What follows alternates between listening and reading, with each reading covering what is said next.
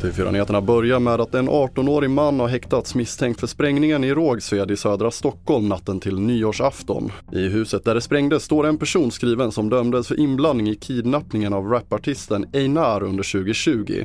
Explosionen är ett av flera våldsdåd i Stockholm de senaste veckorna och 18-åringen är sedan tidigare dömd för flera brott och har även varit placerad på ett HVB-hem.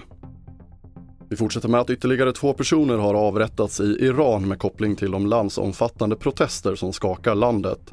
Männen anklagades och dömdes för mord men rättegångar i Iran är ifrågasatta då de som står inför rätta inte får se bevisen som riktas mot dem eller välja sina egna advokater.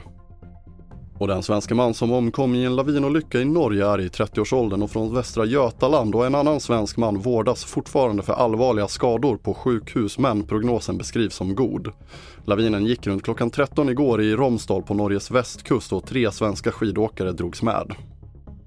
Vi avslutar med att runt en miljon arter på jorden är hotade av utrotning och i så gott som samtliga fall är människan ansvarig. Men det finns också en ansenlig mängd arter som gynnas av oss människor och som skulle vara sällsynta utan oss. En grupp gynnade arter är sådana som vi medvetet eller omedvetet har spritt runt jorden och hit hör tusentals insektsarter som när de etablerat sig i nya områden blivit kostsamma skadedjur. Fler nyheter hittar du på tv4.se. Jag heter André Metenen Persson.